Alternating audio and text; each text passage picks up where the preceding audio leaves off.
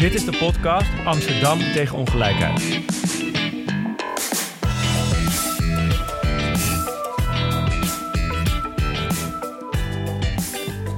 Uh, welkom. Uh, ik ben Jenneke van Pijpen, GroenLinks raadslid uh, voor de zorg. En ik zit hier samen met Andy Simpen.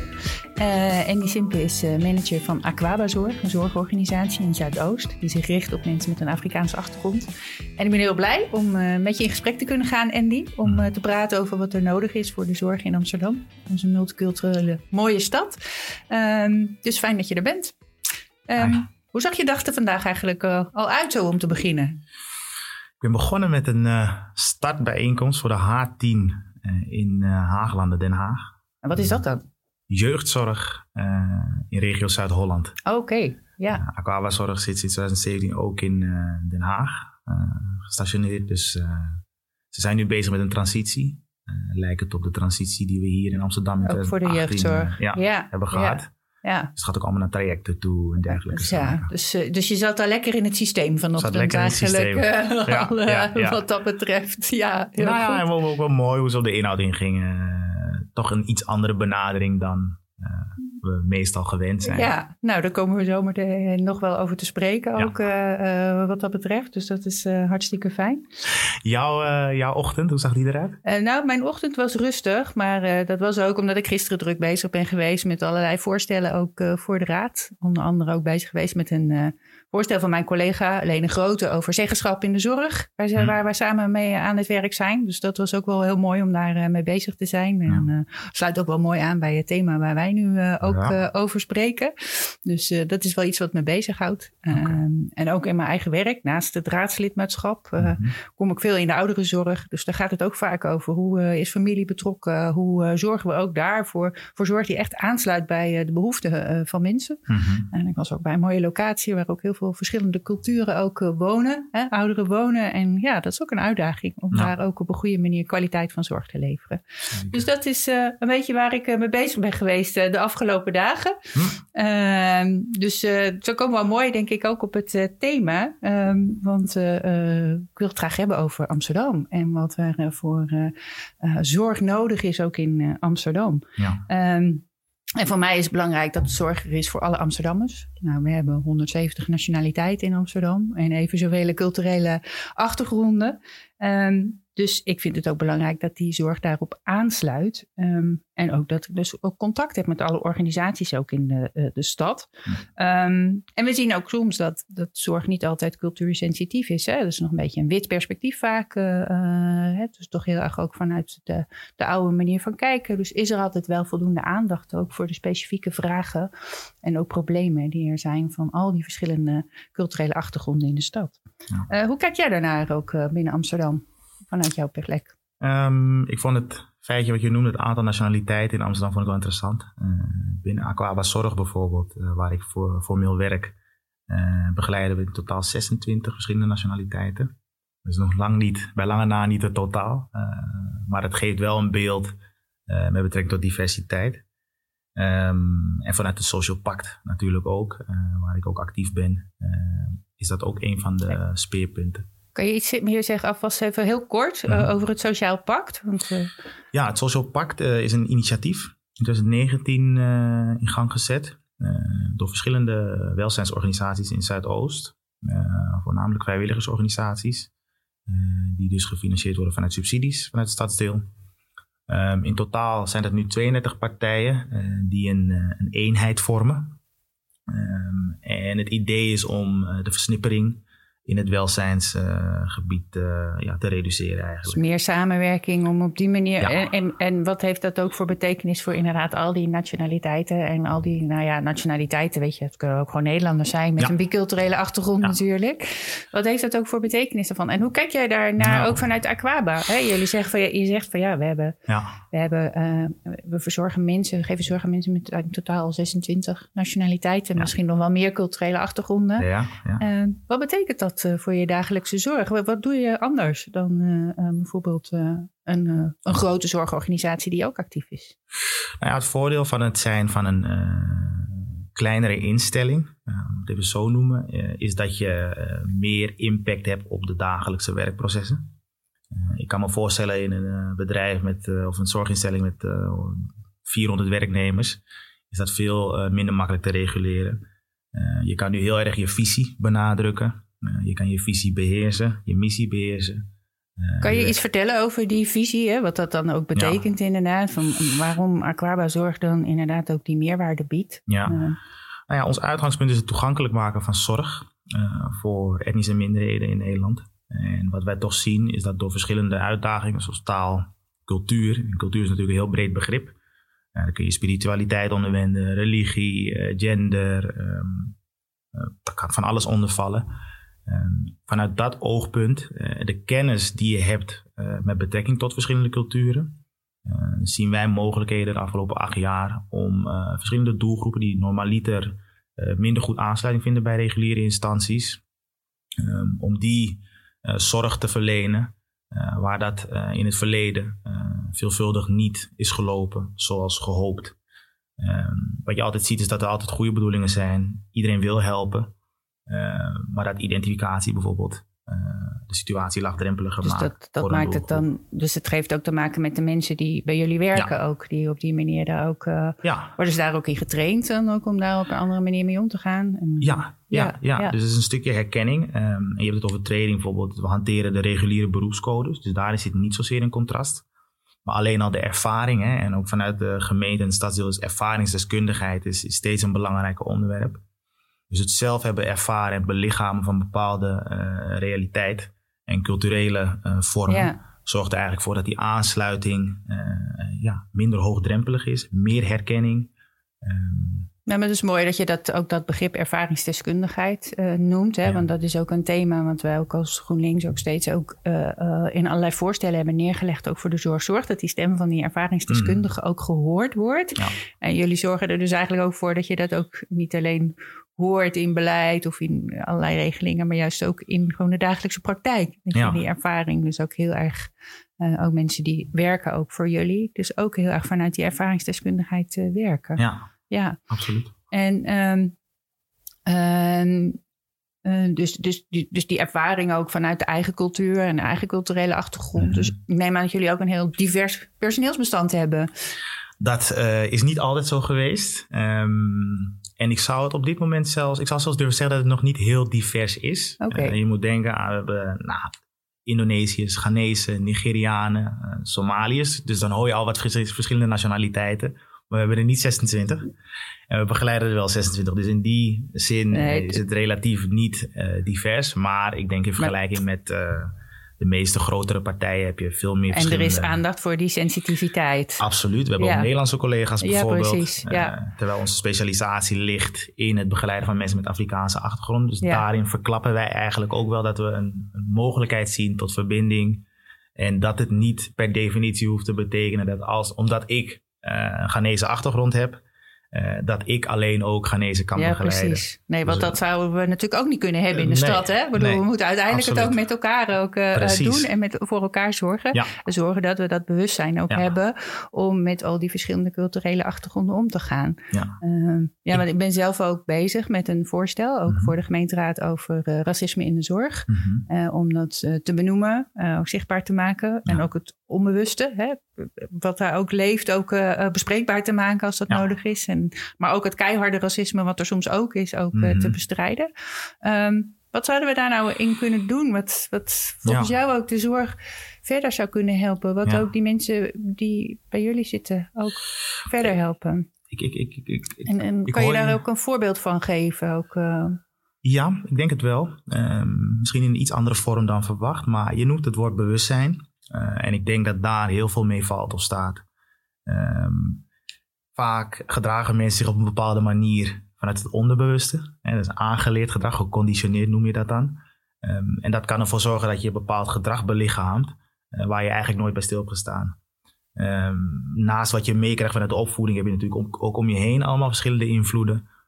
dus wij beseffen dat er verschillende variabelen zijn uh, die de totstandkoming van gedrag bepalen. Ja, Media dus, bijvoorbeeld ook. Bewustzijn is in ieder geval heel erg belangrijk. Kan je dan ook een voorbeeld vanuit je eigen praktijk noemen, vanuit, vanuit ja. Waar je zegt van ja, daar konden wij dat wel leveren. Ja. Wat misschien een andere organisatie dan niet kon, omdat dat bewustzijn er onvoldoende was. Misschien niet de onwil, maar het bewustzijn er onvoldoende was. Nou, een voorbeeld is. eh, ik ga het iets breder trekken, zodat het misschien ook een bredere groep bereikt wat dat betreft. Eh, zorgmijding vindt plaats op het moment eh, dat mensen met medicatie Ja. geholpen moeten worden. Ja, ja. Heel erg te maken. eh, zorgmijding. Mensen willen geen zorg, krijgen, vragen Willen- er niet om, willen het vaak niet, Nee. houden de deur dicht. willen ook geen medicatie tot zich nemen. Ehm, en wat, je, wat we wel eens in het veld zien, ehm, is dat daar ehm, heel weinig begrip voor is. Maar dat het ook voor de behandelaren eh, moeilijk de vinger erop te leggen is wat nu de reden is dat ze dat niet willen. En dat is iets wat niet per definitie bewust gebeurt. Het is meer dat er kennis ontbreekt dat bijvoorbeeld spiritualiteit een rol speelt in de belevingswereld van de doelgroep. Eh, dus op het moment, wij geloven dat op het moment dat die kennisoverdracht plaatsvindt naar zo'n behandelaar of een professional die medicatie voorschrijft, dat hij die kennis heeft, weet hij ook dat hij op een bepaald vlak eh, weerstand kan verwachten. Ehm, daar, daarop kan anticiperen en in plaats van te denken van hé, hey, die persoon wil het niet en eh, die wil niet voor zichzelf zorgen, Ja. tot conclusie heeft bijvoorbeeld, ehm, dat degene beseft van hé, hey, nou moet ik ehm, subtiel mee omgaan. Ik kan zeggen, we kunnen het een keer een week proberen en het niet meteen verplicht opleggen. eh, waardoor het voor eh, de doelgroep misschien laagdrempeliger Ja. wordt. Of je benadert een instelling die gespecialiseerd is, Aquaba bijvoorbeeld. En eh, die, die helpen dan bij het begeleidingsproces om dat te vertalen. Ja, dus dat je veel meer in die zorgprocessen, hè, die, ja. Ja. en, en zorgmijding is echt wel een probleem Ja. natuurlijk in de stad. Hè. Dat, dat zien we natuurlijk Ja. ook veel. Mensen die toch zorg mijden, omdat ze het, ja, om allerlei verschillende redenen. Eh, maar jij zegt ook, ja, soms zitten daar ook culturele redenen bij. Dus Ja, dan zeker. kan je die op een goede manier ook eigenlijk... Dus dat is ook wel een belangrijk element. Dus dat je ook Ja. aandacht hebt voor ook die culturele redenen... waarom mensen misschien ook zorg mijden. Eh, Ja, en misschien nog een kleine aanvulling daarop. Ehm Mond-tot-mond reclame is heel belangrijk binnen verschillende migrantendoelgroepen, mede doordat er sprake is van een taalbarrière. Dus wat je door de jaren heen ziet, is dat er, ehm, ik, ik noem het even, extreme gevallen, eh, die komen dan binnen de gemeenschap of bij de gemeenschap terecht. En die worden eigenlijk als norm gehanteerd. De jeugdzorg zie je bijvoorbeeld uh, uit huisplaatsing. Nee. Als de jeugdbescherming komt, dan wordt je kind afgepakt. Dus ook angst dus eigenlijk, Dus angst. ook uh, voor, uh, voor het systeem. Ja, dus angst. maar dat ja. komt voort uit die individuele gevallen uh, die niet dagelijks plaatsvinden. En dat wordt de norm. Uh, en dat zorgt ervoor dat er nog meer afstand uh, ontstaat tussen wat er aangeboden wordt en wat er soms daadwerkelijk plaatsvindt. Ja, oh, dit is wel heel interessant natuurlijk. Want daarmee zou je dus ook kunnen zeggen van ja, hoe kan je dus inderdaad ook dat beeld van die norm Ja. ook, ook veranderen? En hoe spelen Absoluut. jullie daar ook een rol in? Dan Ja. ook door het zelf ook een andere norm neer te zetten, ook als, uh, als zorgorganisatie. Ja. En lukt dat dan ook? Dat is, is een geweldige vraag. Um, want als ik kijk naar de beginperiode toen ik daar kwam te werken bij Aquaba Zorg en nu. Ik herinner mij dat wij toen ook te maken hadden met mensen die niet binnen durfden te komen. Ja. Want Aquaba Zorg werkt met gemeente en bij de gemeente wordt je kind afgepakt.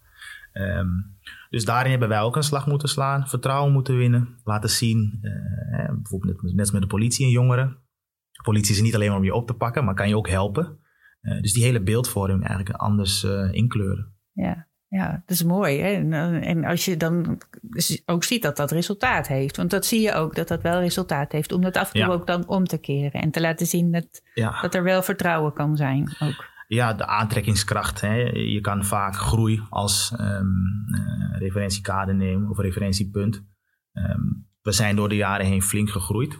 Um, en daarin zie je dat ook heel specifiek, uh, weer vanuit de gemeenschappen, verschillende Afrikaanse gemeenschappen, mensen steeds meer uit zichzelf uh, naar jullie Kwawa toe komen. komen. Ja, Ja, omdat mensen ja. dus prettige ervaringen hebben gehad, situaties zijn opgelost.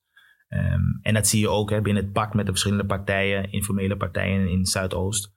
Die hebben dezelfde ervaringen. Ja, dus het, het werkt wel. Dus in die zin, het vertrouwen groeit. Het vertrouwen groeit. Door ook die meer cultuursensitieve zorg aan te bieden. Ja. Voor het vertrouwen, groeit het vertrouwen. Nou, ik denk dat dat hartstikke mooi is. Dus Ja. dat is in ieder geval al ook een mooie opsteker ook voor uh, waar jullie mee bezig zijn. Ja. Maar ook die ons verder ook kan helpen hoe we ook de rest van de zorg in de stad uh, willen doen.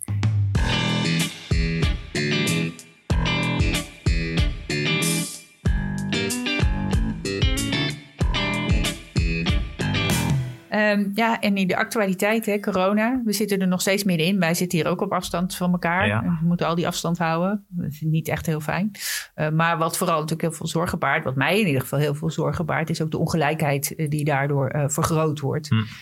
en die zien we ook in de zorg natuurlijk. Zorg is toch vaak het eindstation van allerlei andere problemen. Ja. slechte huisvesting, geen werk of slecht werk. Uh, uh, armoedeproblemen, uh, stress. Stress is een hele belangrijke Ja. factor. Hè? Stress over Zeker. het verwerven van inkomen. Nou, dat is allemaal versterkt natuurlijk ook door corona. En zeker ook in, in Zuidoost, waar jij werkt, is natuurlijk ook veel armoede. Mhm. dus, dus we zien allemaal dat soort problemen. En hoe kunnen we nou daar ons tegen te weerstellen? En zorgen dat we dat niet zorgen dat die corona, die ongelijkheidsverdubbelaar wordt. Ja. Uh, en, en, wat kunnen we daar tegenover zitten vanuit de zorg? Ja, En vanuit het beleid, maar ook vanuit jullie praktijk. ja. Kan je er iets over vertellen? Hoe heb je de afgelopen periode ook ervaren wat dat betreft? Ook vanuit die ongelijkheid. Ja, heel bewogen. Ehm, ik was gisteren onderdeel van een, eh, een werksessie eh, voor het Masterplan Zuidoost. En ehm, daar kwam heel erg naar voren eh, de korte en lange termijn. En even nog het masterplan, hè? dat is ook vanuit de gemeente samen met Ja. alle organisaties in, in Zuidoost om Inderdaad. Zuidoost te versterken. Ja. En die verbinding te maken tussen formeel en informeel voornamelijk. Maar ook bijvoorbeeld zorg en onderwijs. Eh, en dan kom je eigenlijk op het lange termijn aspect. Eh, het koppelen van bijvoorbeeld zorg en onderwijs. Ehm, maar goed, je had het over die corona. Ehm, ja, welke impact heeft dat gehad de afgelopen maanden? Ehm, puur kijken naar de doelgroep en de mensen in de regio zie je dat isolement ja, Ja. een heel groot probleem is eh, geweest. En voor een aantal nog steeds is. Voor velen nog steeds is. Ehm, dus dat is wel iets wat de situatie heel moeilijk maakt. Want je weet dat het mensen zijn die ondersteuning nodig hebben. Of waarbij het echt noodzakelijk is dat ze zorg krijgen, bijvoorbeeld. Ehm, dus die toenadering, of het Ja. kunnen benaderen van mensen, is daarin cruciaal. Dus die afstand is niet alleen maar die anderhalve meter. Nee. Dit is ook heel erg die sociale afstand. En de angst die daarin ook een rol speelt. Absoluut. En dat is iets waar je je heel moeilijk tegen kan wapenen. Hè, met alle regels eh, waar je, die je moet naleven. Eh, dus dat is echt een uitdaging waar de hele zorg eh, ja, ehm, ja, een uitdaging in heeft. Ja. ja, en hoe gaan jullie daar dan mee om? Hoe, hoe kijk je dan toch dat je toch ja, misschien een beetje dat isolement een beetje kan verminderen. En eh, toch Ja. kijken hoe je daar wel verbinding kan blijven maken. Zodat Ja. mensen wel de zorg krijgen die ze nodig hebben. Nou, je hebt natuurlijk het digitale element. Eh, voor een gedeelte van de doelgroep is dat mogelijk. Vooral de jongeren, die weten hoe dat werkt. Voor de ouderen is dat niet. Eh, of nauwelijks het geval. Nee, ik heb laatst nog ook gevraagd, hè, in, ook in, in, de, in de raad aan de wethouder, van krijgen nou ook ouderen ook bijvoorbeeld die eh, eh, laptops en computers Ja. die ook aan kinderen werden gegeven, ook in de eerste fase van de corona, Ja, om hun schoolwerk te kunnen doen. Maar voor ouderen is het natuurlijk ook heel erg belangrijk dat ze op die manier ook contact kunnen blijven maken. Nou, gelukkig zijn er ook veel ouderen die die computers hebben gekregen. Maar ja, je moet er ook mee om kunnen gaan. Ja. Dus eh, Ja, en dat maakt wel ook wel een, een, een- uitdaging helder. Hè? Eh, wat corona doet, zeggen wij eigenlijk, is... Er waren al problemen en die hebben, de corona heeft het versterkt. ja. Ehm, en ook problemen die eh, zich hebben verstopt in het systeem, die niet zichtbaar waren eh, in eerste instantie. Kun je er iets meer over zeggen? Wat, wat voor dingen denk je dan aan? Nou ja, bijvoorbeeld over jeugd. ze hadden het over spookjongeren op een gegeven moment. eh, waar dus eh, duidelijk werd dat ouders niet de vaardigheden beschikken om die kinderen te ondersteunen op het moment dat de lockdown inging. Ehm, en wat je dan eigenlijk wil hebben, is dat je binnen het systeem mogelijkheden hebt om aandacht te besteden aan die persoonlijke ontwikkeling, zodat de ontwikkeling van de kinderen doorloopt. En dat is een aandachtspunt voor de lange termijn, denken wij, om binnen het onderwijs ook aandacht te hebben voor persoonlijke ontwikkeling, omdat je dus ook ouders hebt waar sprake is van een taalbarrière Ja. of een beperking, die hun kinderen minder goed kunnen stimuleren. Dus het geeft eigenlijk ook weer allerlei ideeën over hoe je Ja. inderdaad ook in de, ja. Ja. niet alleen de toekomst, maar eigenlijk nu al, Ja, ook in, in, in de systemen, in het onderwijs, maar ook in de zorg, eh, hoe je ook misschien op een andere manier daarmee om moet gaan. Dus bijvoorbeeld dat puntje van die persoonlijke ontwikkeling, daar meer aandacht ook eh, aan geven. ja ik, ik, ik, ik keek laatst, eh, volgens mij is het NPO 1, en toen zag je de drie prinsessen. Hè? Ja. En die doen alle drie gymnasium. Eh, en toen dacht ik van ja, dat is niet uit de lucht komen vallen. Dat is natuurlijk een bepaalde structuur, Ja, alle stimulatie vanuit de omgeving geleverd, waardoor zij kunnen excelleren. En dat geeft niet aan dat iedereen in Zuidoost Gymnasium zal gaan doen.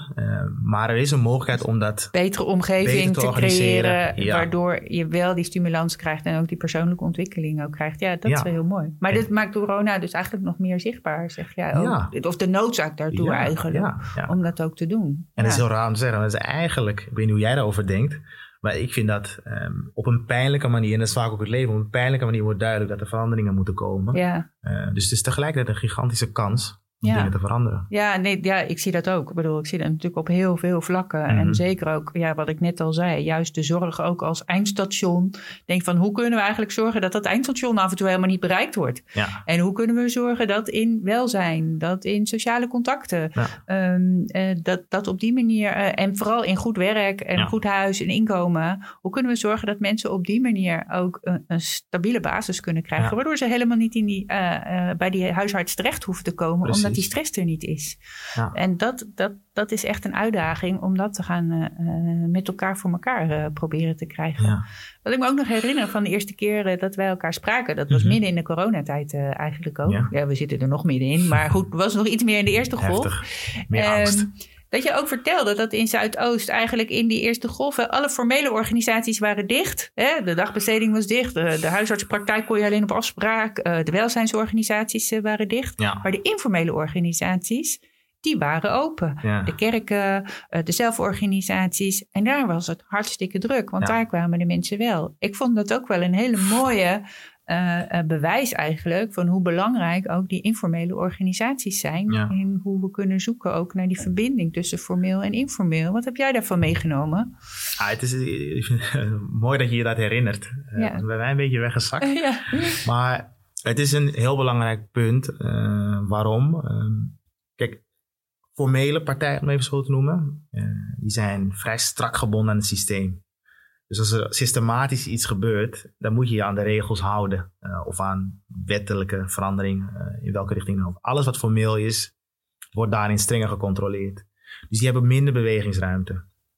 Informele organisaties, um, die zijn administratief minder gebonden. Die hebben wat meer ruimte om ook flexibel te zijn uh, in de invulling van bepaalde uitvoeringstrajecten.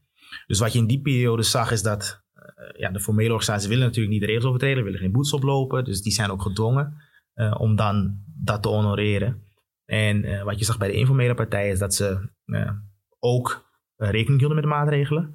Um, maar doordat eigenlijk het, de invalshoek, het perspectief anders is, organisatie, op organisatieniveau, hebben zij gevoelsmatig denk ik toch, en, en bijvoorbeeld binnen Social Pact wij, eigenlijk alle leden, uh, toch de ruimte gevoeld om te denken van hé, hey, um, en ook door de ernst van de problematiek, om het even bij de, bij de doelgroepen te houden. En, en weten ze dan misschien ook meer wat er nodig is?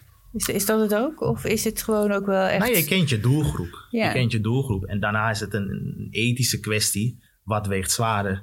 Um, en, en, soms, we noemen het out of the box denken. Uh, denk je out of the box? Handel je ook out of the box? Om, om, om, mensen toch te ondersteunen. En dat is wat er in die periodes gebeurt. Kan je daar nog eens een, een mooi praktisch voorbeeld van noemen wat er is, uh, hè, wat er is gebeurd? Ik hoorde juist ook hè, dat het bijvoorbeeld veel drukker was bij sommige organisaties dan normaal. Ja. Uh, nou ja, voor mezelf, bijvoorbeeld daar kwamen zorg, waren formeel dicht. Dus er was geen dagbesteding bijvoorbeeld. Maar het kantoor hadden we bewust wel open. Dus ik zat daar eigenlijk iedere dag. En ik kon dus zelf vanuit de eerste hand zien dat er elke dag mensen nog klopten naar binnen keken. En die ik ook binnen liet. En dat spatscherm op een gegeven moment binnen. En ik, op een gegeven moment was ik aan het begeleiden. Ja. En mijn functie is manager, maar ik was elke dag mensen aan het begeleiden. En vooral mensen die een baan hadden verloren, die in de WW terecht zijn gekomen, die dat moesten aanvragen. dus ook eigenlijk heel erg die ja, weer wegwijs maken in het systeem. Ja, en, uh, ja, ja, dat zie je eigenlijk steeds terugkeren. Uh, vaak mede door een taalbarrière. En um, in Zuidoost leeft, leeft men best wel um, geclusterd met elkaar. En wat je eigenlijk ziet is dat de mensen uh, binnen hun netwerk tegen dezelfde obstakels aanlopen. Dus, daar, dat, uh, dus op een gegeven moment herken je ze ook. Je herkent ze, maar ze kunnen ook niet echt bij elkaar terecht. Ja. En nu de nieuwe generaties zijn die opgroeien, zie je dat er wel steeds wat meer verbetert. Kinderen op jonge leeftijd die hun ouders ondersteunen. Uh, wat ook niet altijd even prettig is, hè, parentificatie. Ehm, maar dat Ja. zal geleidelijk... Het is ook een beetje een generaties die dus ook weer, Ja. weer- het is ook wel weer aan het veranderen. maar corona ja. maakt het ook wel weer, heeft Maakt het ook wel weer heel erg duidelijk gemaakt. Absoluut. Dus jij stond daar eigenlijk ook gewoon eh, samen Te met mensen te begeleiden. en eh uitkeringen aan te vragen. En eh, Met UWV, ja. wel ook wel weer een hele boeiende ervaring natuurlijk. Om weer even Zeker. zo echt ook naar, ja, naar, naar de grond toe, hè, met de voet in de klei te staan. Dat is ook altijd wel weer heel waardevol om dat ook weer zo te ervaren. Ja, zeker, Ja, zeker. Maar dus het heeft ook wel hele grote veranderingen ook eh, gegeven. En als je nou kijkt ook naar de rol van de gemeente daarin, weet je. Mhm. En ook van wat zou nou nog, ook nog een extra push kunnen zijn om dat te doen. Heb je nog een laatste soort Ja. oproep ook aan de, aan de gemeente of aan mij ook als gemeenteraadslid? Ja. Van, nou weet je, ik, ik vind nog dat dit ook als leerpunt vanuit die coronatijd moeten Ja. we dit nu gaan meenemen. Ik denk dat heel veel vatten staat met, met je visie. En wat ik wel, en dat is landelijk, eh, heb bespeurd, is dat eh, je vanuit de overheid zag dat ze wel hebben geprobeerd steeds een vorm van vrijheid te behouden. Dus ik denk dat dat stukje identiteit van Nederland wel zichtbaar is gebleven. hè. De mondkapjesplicht is niet er doorheen gedrukt, dat soort zaken. Ja, Dus daarin zie je wel een duidelijke lijn. Ehm, ik denk dat het heel moeilijk is om te zeggen wat de overheid of de gemeentes anders hadden kunnen doen. Ehm, Maar wat we meenemen is denk ik, en dat hoor ik jou heel erg zeggen, die verbinding tussen het formele en het informele. heel belangrijk. Hoe belangrijk dat Ja. is en dat die brug ook echt geslagen moet worden. Omdat juist in crisis zie je dat Ja. het informele circuit Ja. eigenlijk ja, de echte absolute eh, nood opvangt. En daar en heel die- waardevol in is. Ja, als die verbinding daar is, dan kunnen ook eh, formele organisaties die dan op dat moment misschien niet overal bij kunnen. Precies, kunnen dan dat toch wel weer oppakken. En moeten dus ook daarnaar luisteren. Ja,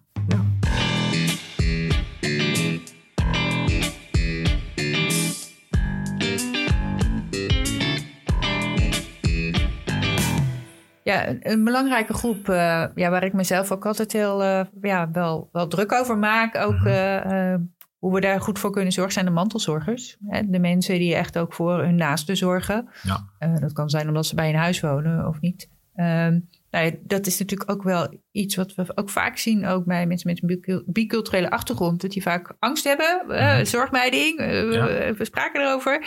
Ehm, dus dat dat nog veel meer neerkomt ook op de familie om dan die zorg te verlenen. En dat was natuurlijk in coronatijd nog weer wat eh, eh, zwaarder. Zie jij dat ook? En eh, hoe, hoe, hoe- wat zie jij daar Ja.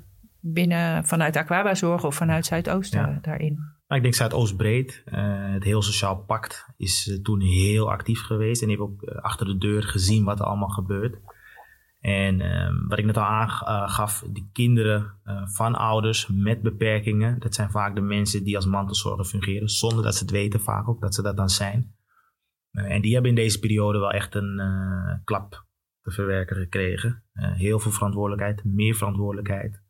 Ook bij eh, mensen met beperkingen, met bepaalde specifieke klachten waar de zorg afgeschaald moest worden. Ja, en de dagbesteding was natuurlijk ook vaak dicht. Ja. Hè? Dus mensen konden niet ergens naartoe waar, Ja. waar structuur was en waar bezigheden waren en gezelligheid Ja. was. Ze zaten thuis. Ja. Eh, vaak dan met hun familielid of naasten eh. Met beperking, met stress, met depressieve gevoelens. Dus daar hebben we heel veel. we hebben ook daardoor cliënten gehad die het zelf niet meer zagen zitten. Omdat ze zich zo bezwaard voelden om steeds hulp te vragen van familieleden. Van hun familie, oh ja. Ja, Die ja. ook zelf aan het werk waren. En die ook de hele tijd hè, Ja, thuis aan het werk waren. Ja, ja. Dus het heeft heel veel bemoeilijkt. Dus, maar ook de jonge kinderen die zelf nog naar school aan het gaan zijn. HBO, universiteit, mbo. ja, die voor hun ouders. eh, ja. Ja. Ja, Dus, dus ja, die groep mantelzorgers die heeft ook nu, hè, nog steeds coronatijd, maar Ja. ook in die post-coronatijd eigenlijk heel veel aandacht nodig. Ja. Om ook ze eh, echt goed te ondersteunen en te zorgen dat ze op de benen eh, Ja. blijven. Want, en misschien ook een beetje minder zorg hoeven te verlenen af en toe.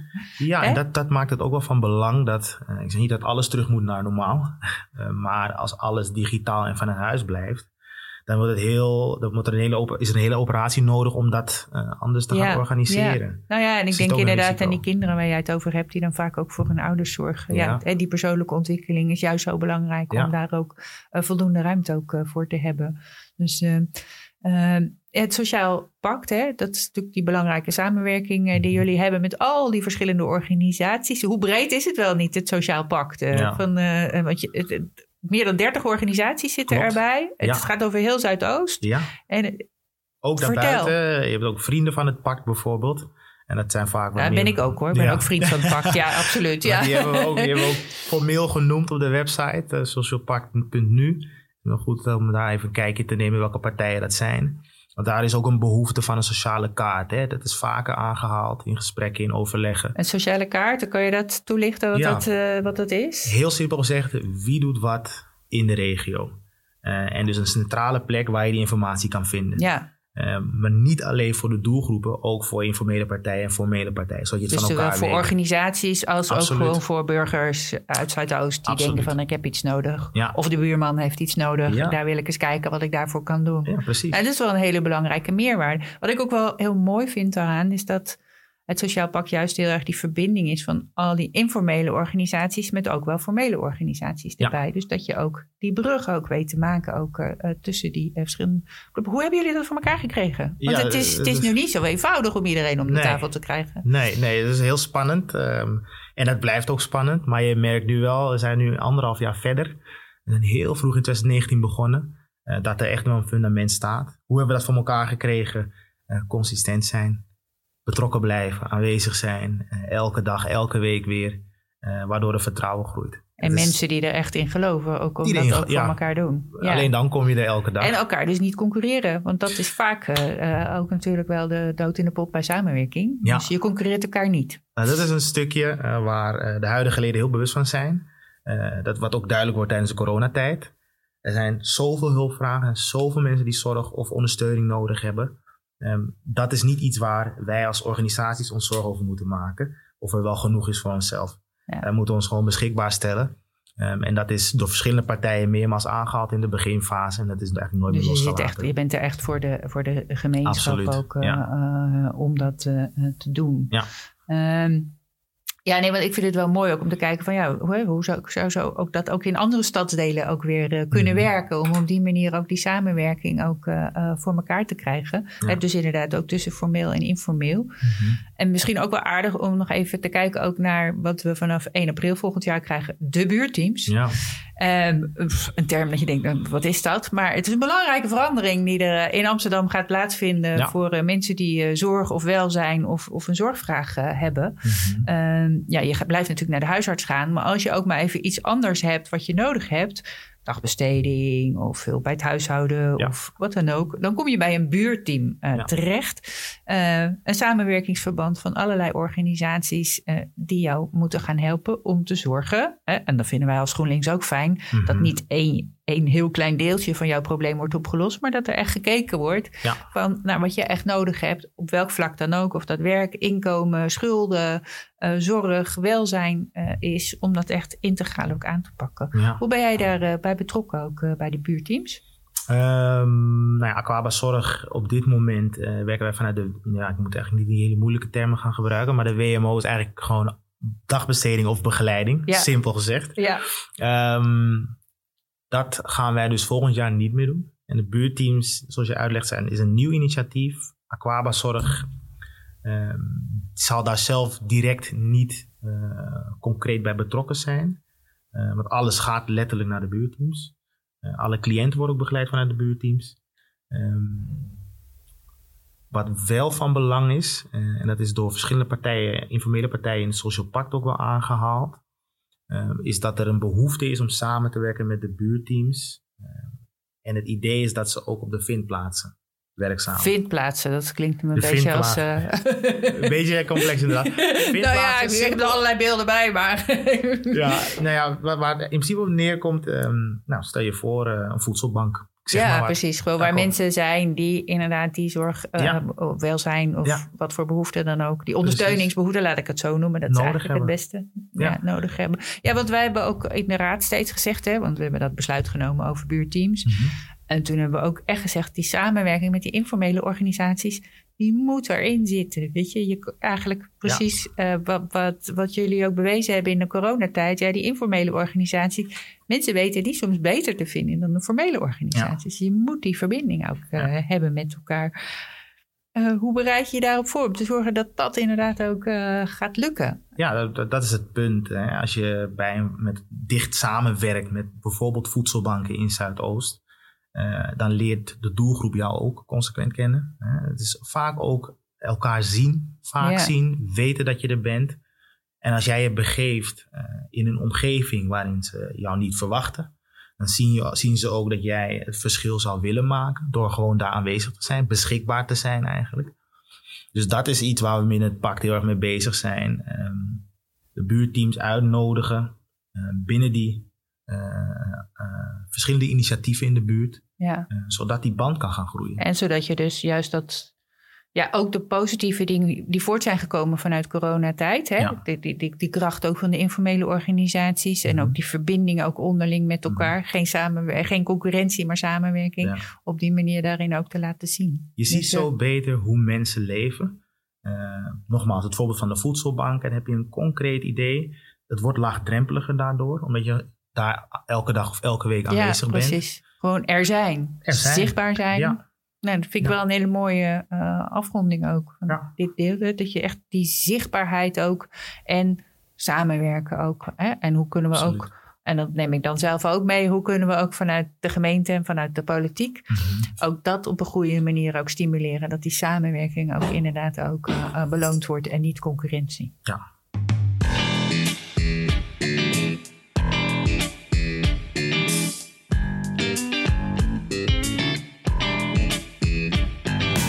Andy, ik vond het echt uh, een, een, heel erg leuk gesprek. Ik heb ook weer heel veel inspiratie uh, gehoord. Uh, op heel veel verschillende vlakken. Maar zeker ook op het hele thema van cultuursensitieve zorg.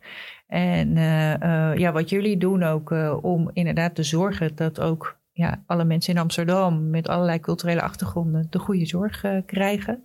Ehm, zo, ik ben bezig met een voorstel, dus ook daarover. Wat zou je mij nog mee willen geven, ook om daar nog aandacht aan te geven? Um, het belangrijk, of belangrijk kan zijn in, in, in, een voorstel als deze, is dat je met z'n allen uh, bewuster wordt van elkaars achtergrond. Um, dat, dat eigenlijk dat voor iedereen geldt dat het aangeleerd in de meeste gevallen is. Dat het niet per definitie hoeft te betekenen wie je bent. Um, en dat je daar ook met elkaar in gesprek uh, moet blijven gaan. Uh, als het gesprek stopt, uh, dan ga je elkaar nooit beter begrijpen. En dus om onderling begrip te creëren is gesprek nodig. Mooi, ja. Heel mooi. Ik denk dat dat. Uh, en misschien moeten we dat ook wel is. nog in een titel meegeven, inderdaad. Hè? Het gesprek, zoals wij dat nu ook met elkaar gevoerd hebben. Ja. Veel geestverwantschap, denk ik. Uh, voel ja. ik in ieder geval ook uh, met je. Maar ook als in andere gesprekken in de stad, als het geestverwantschap er misschien niet meteen is, ja. toch wel proberen te gaan creëren met ja, elkaar. Absoluut. En op die manier ook die zorg voor iedereen ook in de stad ook hanteerbaar even uh, goed te, te krijgen. Ja, dat we dat op blijven. die manier. Nieuwsgierig ja. blijven, ja. dat is een mooie. nou, wat kunnen we beter doen dan daarover een gesprek te voeren? Ik wil je heel erg hartelijk bedanken voor dit inspirerende gesprek. En we zien elkaar snel weer, waarschijnlijk weer via een schermpje. Ja. Dus, uh, maar we houden contact. Dankjewel. Je luisterde naar Amsterdam tegen ongelijkheid. Deze podcast werd gemaakt door Lonneke van Genuchten, Nick van Bree en Ibrahim Eldewi. En Floris Bosma maakte de muziek. Heb je vragen of opmerkingen? Ga dan naar amsterdam.groenlinks.nl slash podcast. Vond je het een leuke podcast? Laat dan een recensie achter. Daar zijn we erg blij mee. Bedankt voor het luisteren en tot een volgende keer.